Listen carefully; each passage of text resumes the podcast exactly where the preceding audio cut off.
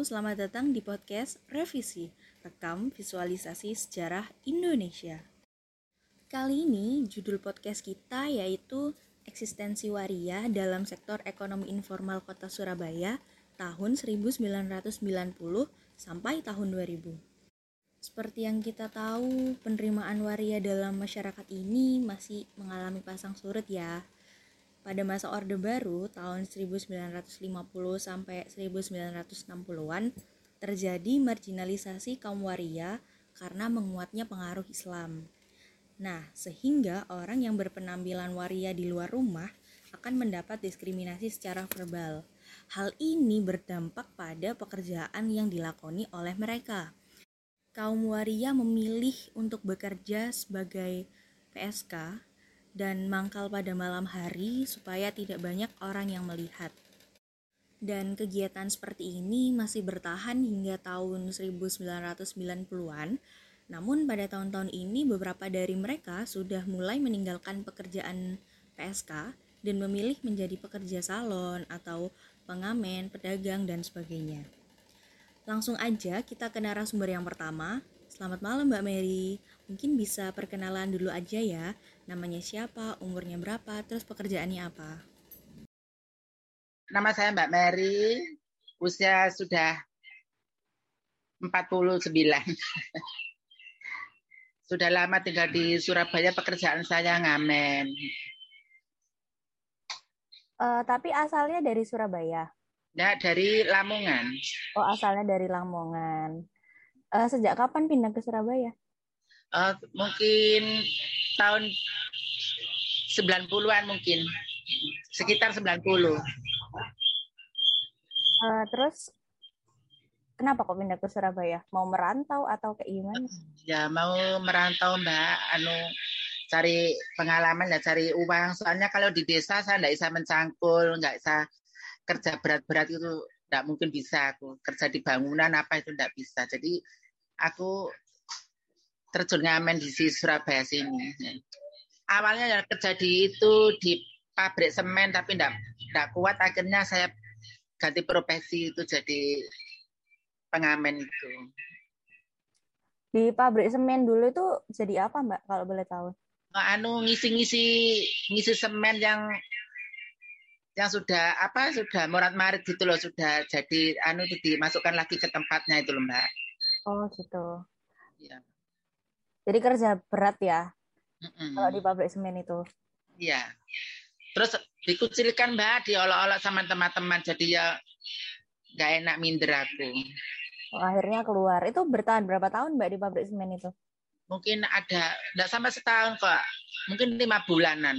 Oh, sebentar ya, lima bulanan. Malah sama itunya loh mbak, apa beleduknya itu loh mbak, masuk ke ke hidung, ke mulut itu loh, jadi aku nggak kuat gitu. Oh gitu. Terus kan tadi sempat bilang kalau misalnya diolok-olok sama teman-teman itu uh, dari teman-teman sesama pekerja atau dari atasannya juga atau gimana Mbak? Sama teman teman-teman pekerja. Tapi kalau sama bosnya biasa aja atau? Bosnya ya nggak tahu Mbak soalnya ada mandornya ada pengawasnya. Oh gitu. Terus setelah kerja di pabrik semen, Iya, saya putuskan kerja apa ngamen itu diajak teman itu. Awalnya diajak teman terus langsung lama-lama kelamaan ikut juga. Itu tahun berapa pertama kali ngamennya? Terus ngamennya di daerah mana? Ngamennya juga di pasar-pasar ya di kampung ya di pertokan ya loh mbak. Hmm. itu tahun 90-an awal itu ya Ya, 90 lebih lah, apa 91 apa 92 gitu loh. Tapi selama jadi pengamen itu pernah nyoba ini enggak kayak nyari lowongan pekerjaan lain gitu? Pernah Mbak, jualan apa? Jualan pakaian aku pernah juga jual jual pakaian. Tapi enggak berhasil Mbak. Hmm, banyak ruginya gitu ya? Nah, malah diutang orang, diutang orang itu enggak balik malah. Oh gitu. Terus selain jualan, apa nyoba kerja jadi admin atau kerja di pabrik lagi atau gimana? Enggak, enggak. Enggak enggak cari lagi itu. Hmm, gitu. Mau mbak, kalau aku yang kerja apa ngelamar di pabrik di pertokoan itu sudah ndak ndak, di- ndak dipercaya. Soalnya kayak gini mungkin nggak mau nerima. Eh, kira-kira kenapa sih orang kok nggak mau nerima gitu mbak? Stigma yang ini atau kayak gimana? Mungkin fisiknya mungkin kayak perempuan gitu, jadi nggak suka gitu. Nanti kalau dia suruh kerja berat apa ya ya mampu dia gitu, dia bilang gitu. Kan nggak mau kuat kerja kasar gitu. Berarti eh, ngamen itu sampai sekarang ya mbak? Iya masih sampai sekarang. Eh, selain ngamen kerjanya apa lagi? Di salon mungkin? Enggak. Oh gitu. Mungkin ada kerja sampingan apa? Mbak Mary kan jualan, Mbak Mary, nggak apa-apa. Mbak. Jualan apa? Jualan es, kopi, apa? Oh punya warkop gitu? Tapi di dalam anu Mbak, di dalam kos-kosan gitu loh Mbak, sama teman-teman nanti makannya di tempat saya, terus minum apa gitu di tempat saya. Kalau misalnya ada pekerjaan yang ramah untuk waria, harapannya apa kira-kira? Kerja apa Mbak misalnya? Jadi- Ya mau teman-temannya ramah, terus bersahaja, bersatu, gitu nggak apa-apa Mbak. Jadi kan selama ini masalah yang ditemui sama teman-teman itu kan mungkin diskriminasi gitu ya. Ih, kamu nggak nggak cocok kerja kayak gini, harusnya kamu ngamen aja. Itu biasanya kan kayak gitu. Nah, kalau misalnya ada satu toko atau satu pabrik yang welcome atau apa ya? Ya, yang mau mempekerjakan teman-teman waria itu harapannya apa aja? Mungkin lingkungannya yang nggak toksik atau gajinya berapa berapa kayak gitu loh. Mungkin lingkungannya Mbak ya, ndak anu, ndak ndak enak itu ling- lingkungannya. Takutnya ndak dikucilkan gitu loh nantinya. pokoknya yang pertama lingkungannya ini ya nggak nggak diskriminasi dulu ya. Lingkungannya mendukung dulu baru nanti yang lain mengikuti gitu. Berarti mbak tadi pertama kerja pabrik terus langsung jadi pengamen terus punya warkop ya. Punya warkop itu sejak tahun berapa Tahun 2000 2015 mungkin. oh baru-baru aja ya Ya. ini eh apa ya mau ngomong tapi kok agak nggak enak gitu soalnya kan aku sering baca-baca kalau waria itu biasanya pertamanya itu kerja sebagai itu pekerja seks apa itu bener nggak mbak Iya. Ada tuh eh, eh, eh, eh, Nggak apa-apa, yang bisa cerita mungkin Mbak Agnes boleh kalau punya pengalaman. iya monggo nggak apa-apa selama ini emang seperti itu. Awalnya waria itu sebagai pekerja seks dulu. Mm-mm. Mungkin, mungkin, mungkin karena selama ini yang saya rasakan seperti itu gitu loh. Eh, mungkin boleh balik lagi ke mbak Mary. Kalau mbak Mary pernah nggak jadi pernah Mbak, tapi banyak yang resek Mbak. Dulu itu sama kan saya barusan dari kampung terus Hmm, pun gitu itu. Jadi aku ikut takut Mbak. Soalnya aku orang kecil jadi anak ada orang mabuk, orang apa tuh aku takut lari terusan. Terus saya putuskan aku nggak mau jadi gitu lagi. Terus kerja di semen itu langsung aku terjun ke ngamen ini aja. oh, Kalau lagi teman saya ya ada yang kerja gitu. hmm, gitu Eh, berapa lama itu mbak jadi pekerja seksnya Ah, enggak lama Mbak, paling berapa hari gitu. Oh, terus takut ya? Ya takut, Kenapa? ya takut itu nanti dipukul nanti anu aku kan dari kampung jadi terjun gitu aku enggak enggak seberapa berani aku. Enggak pengalaman gitu. Hmm, baik. Terus eh, kenapa sih Mbak kok sampai sekarang milih jadi pengamen? Kok nggak jadi usahawan kayak gitu? Atau. Nah, enggak ada modalnya. kalau ada modalnya sih mau ya? Mau aja kalau ada modalnya Mbak. Nah ini apalagi sekarang ini musim corona gini ngamen di kampung aja di anu harus di itu.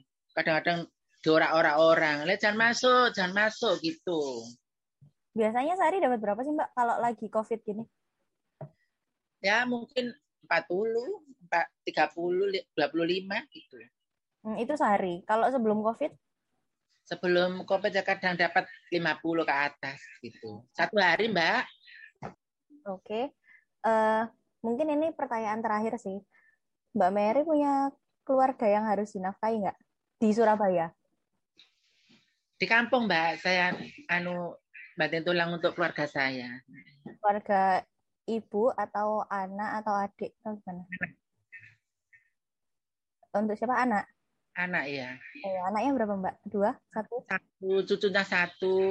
Hmm, berarti uh, dari hasil uang ngamen itu di ya. sampai disampaikan dikirimkan ke ini ya ke Jombang eh Lamongan Bapak Ya soalnya di sana kan ada anak, ada menantu, jadi ada ada cucu. Jadi aku yang kerja, Mbak. Tapi anak saya sudah tahu kalau aku ini kerja gini. Terus anaknya gimana? Nggak apa-apa? Se sebenarnya ya dilarang, tapi anak saya belum bisa apa? Maksudnya cari cari penghasilan tuh berkurang gitu loh mbak di, kan di, di desa hmm, jadi kayak sebenarnya sih nggak boleh cuman ya gimana nggak punya duit gitu ya nah, makanya itu hmm. Dia sendiri aja anu susah mbak cari di desa itu ya ter, terpaksa aku yang anu banding tulang di Surabaya ini mbak cukup nggak sih mbak dengan tadi kan range-nya sekitar 25 sampai 40 ribu kan per hari itu iya. cukup nggak buat uh, menafkahi keluarga yang di desa? Ya, dikumpulkan, Mbak. Oh. Sedikit-sedikit gitu. Jual, uh, hasil jualan ya saya kumpulkan dikit-dikit sama ngamen gitu, sedikit-dikit. Tapi jarang Mbak aku sekarang anu jarang-jarang. Soalnya kan anu kan jualan itu dikit-dikit gitu loh. Tapi ndak anu ndak nuntut kok Mbak hasilnya jualan itu Mbak.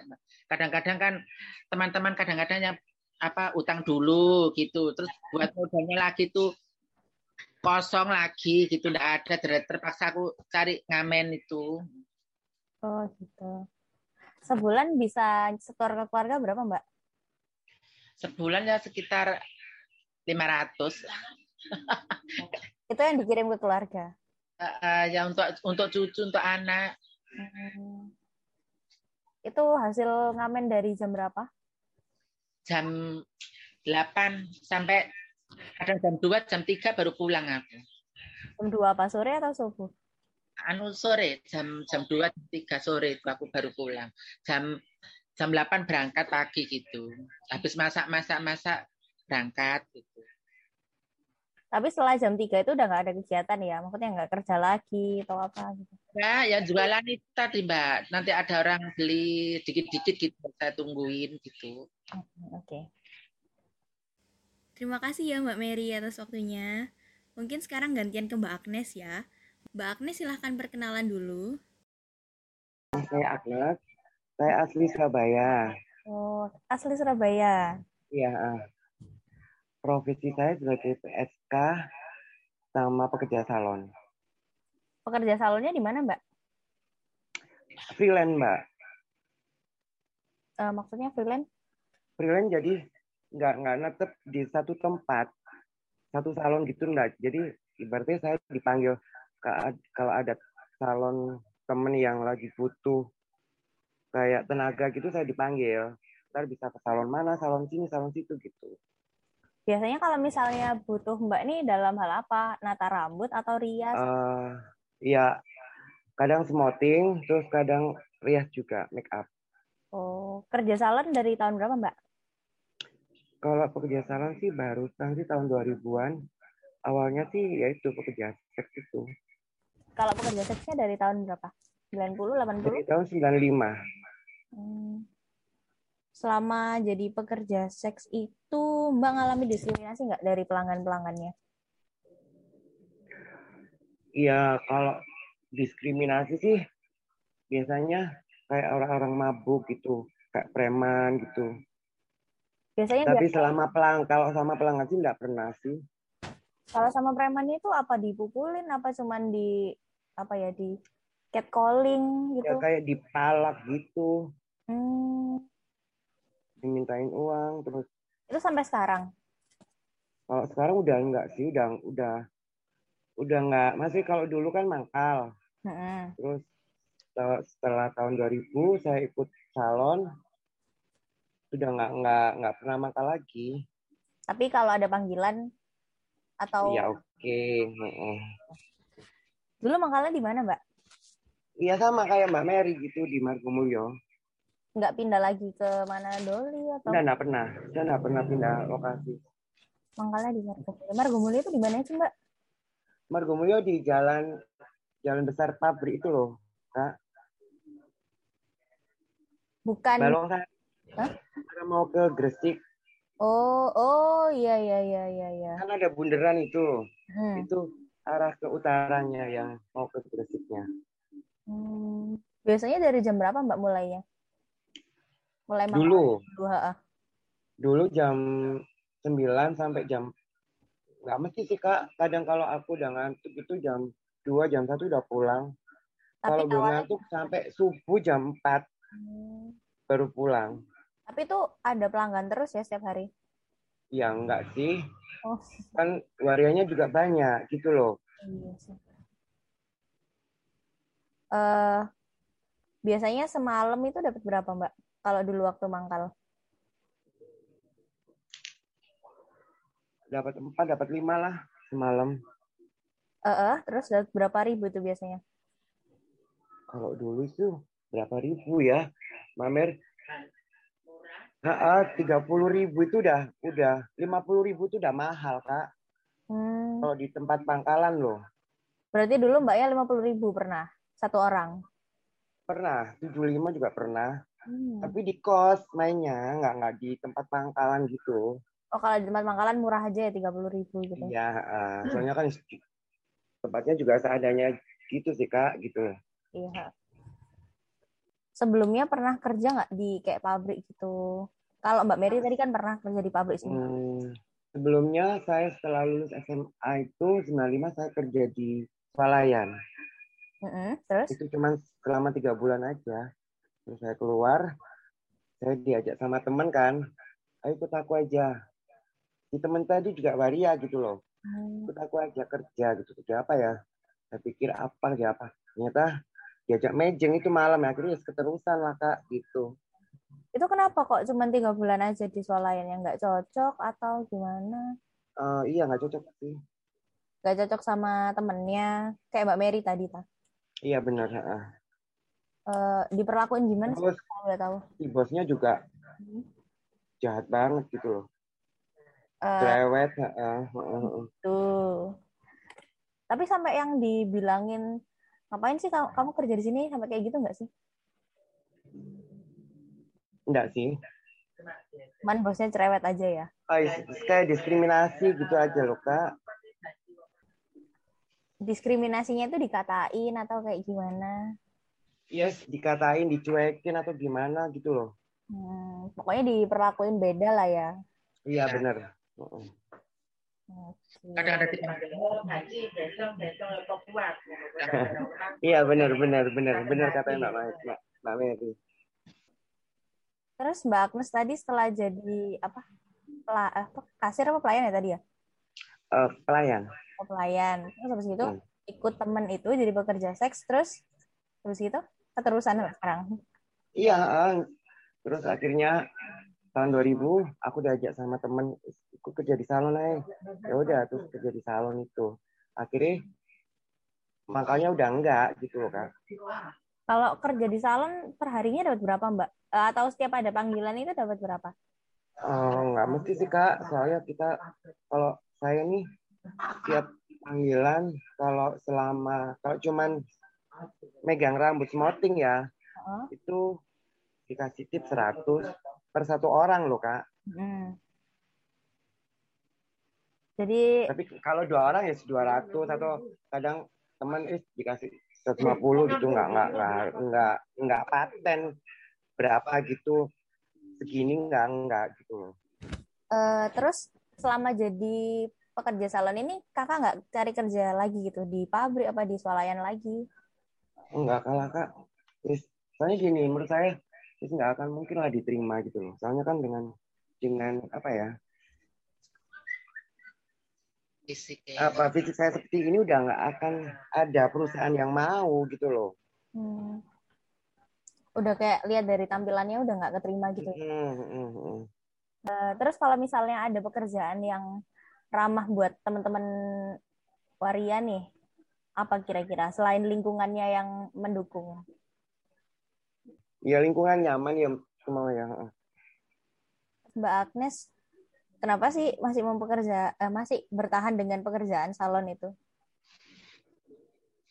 Iya karena itu tadi mbak, masih nyaman terus sama sesuai dengan bidang saya gitu loh. Oh emang passionnya bisa ngerias gitu ya? Passionnya di sini. Oh gitu. Sama emang ya udah udah enak aja di situ ngapain pindah-pindah. Iya. Terus kalau Mbak Mary tadi kan udah eh, ada keluarga yang harus di- harus dinafkahi. Kalau Mbak Agnes gimana? Hmm, ada ibu sama kakak di Surabaya juga. Hmm? Setiap bulan ngasih duit juga berarti? Atau enggak? Ya enggak sih kak. Yo enggak tiap bulan sih kalau kalau Kalau ada gitu. ada rezeki aja. Udah sih, mungkin teman-teman dari Mbak Mary atau Mbak Agnes mau nambahin apa? Mau cerita dulu kalau waktu kerja jadi PSK pernah loh aku diginiin sama klien atau diapain gitu. Cerita yang apa ya? Eh, yang yang diperlakukan gak enak gitu. Pernah sih pas aku lagi ketiduran ada tamu ada klien kan ngajak ke kos. Hmm. Ya, udah pulang di kos, yes, tiba-tiba aku nggak tahu pulangnya gitu loh, tanpa ditinggalin uang gitu loh. Oh, Cuma itu nggak aja. Kalau Mbak Mary mungkin adalah apa Kalau aku pengalaman-pengalaman. eh, alami pahit-pahit itu. Kadang nyanyi sudah lama, nggak dikasih. Mm-mm, mm-mm. Itu ada ini nggak apa-apa. Iya. Kadang mending gini ya, mending orang bilang Mbak libur atau gimana, bener kan gitu loh. Jadi kita kita nggak ngeluarin Ya. suara, Nah, iya. ngeluarin tenaga buat nyanyi gitu kan kak, gitu loh. Tapi Mbak Agnes juga pernah ngamen nggak? Pernah. Tahun Tapi- itu Mbak? anu ya ya pernah sih ya ikut Mbak Mary juga pernah terus ngamen di komplek-komplek juga pernah kak Pas satu komplek anu ya, belum ya ada. Kak. Hmm, masih belum ada belum ada ini apa penutupan ah, Hmm. belum ada penutupan lokalisasi dulu di jarak di Doli Moro Seneng itu. Saya kalau malam. Tidak malam. ngamen ah, di sana. Ngamen sekalian ini ya, mangkal gitu. tapi kebanyakan nggak nggak dapet sih. Cuman kita cuman emang ngamen. Soalnya kan udah mabuk sih kak. Kan pasti kalau ngamen di sana udah kita dikasih minum. Hmm. Nah kalau kita nggak mabuk, orang-orang nggak akan ngasih uang gitu loh. Jadi Oh. harus minum. harus minum. Ha, jadi gelas-gelas ada minuman tuh dikasih uang atas segini gitu loh. Jadi Ya. kalau ambil duit minum dulu. harus kita minum lah gitu loh.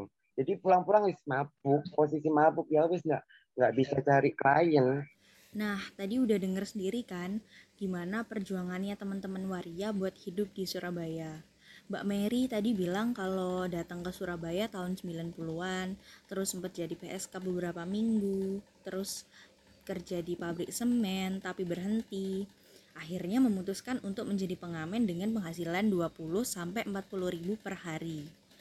Kalau Mbak Agnes mulai tahun 95 udah jadi PSK, tapi kemudian tahun 2000 diajak temennya jadi pekerja salon freelance. Kalau dilihat-lihat sih, pekerjaan mereka dari tahun 90 sampai 2000 itu lumayan mengalami perbaikan ya. Ya, walaupun nggak baik-baik banget, tapi dari yang awalnya jadi PSK terus kerja ngamen, dari yang awalnya PSK jadi kerja salon, ya lumayan lah. Semoga teman-teman waria ini bisa mendapatkan pekerjaan yang lebih baik lagi dan sesuai dengan passion mereka. Oke, terima kasih buat Mbak Mary dan Mbak Agnes sudah meluangkan waktunya untuk diwawancarai dan makasih juga buat teman-teman yang setia dengerin podcast ini sampai habis. Kalau kalian mau request tema podcast lainnya, DM aja ke Instagram @mokoginta hanya dua. Saya Fatimah Mokoginta undur diri. Bye.